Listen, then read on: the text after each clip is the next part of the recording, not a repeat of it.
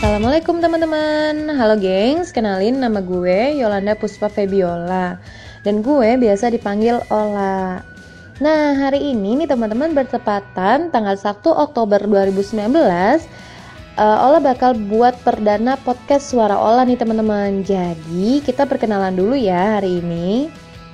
Keseharian Ola sekarang, Ola bekerja di salah satu perusahaan konsultan IT di daerah Jakarta Selatan. Selain bekerja, Ola juga aktif di komunitas dan pramuka. Nah, kalau di komunitas, Ola aktif di Rumah Millennials dan Bekasi Community Connection.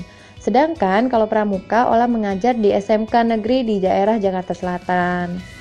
Semoga teman-teman suka ya dengerin podcast suara Ola karena Ola bakal ceritain hal-hal seru dan asik yang lagi on banget nih teman-teman di Indonesia.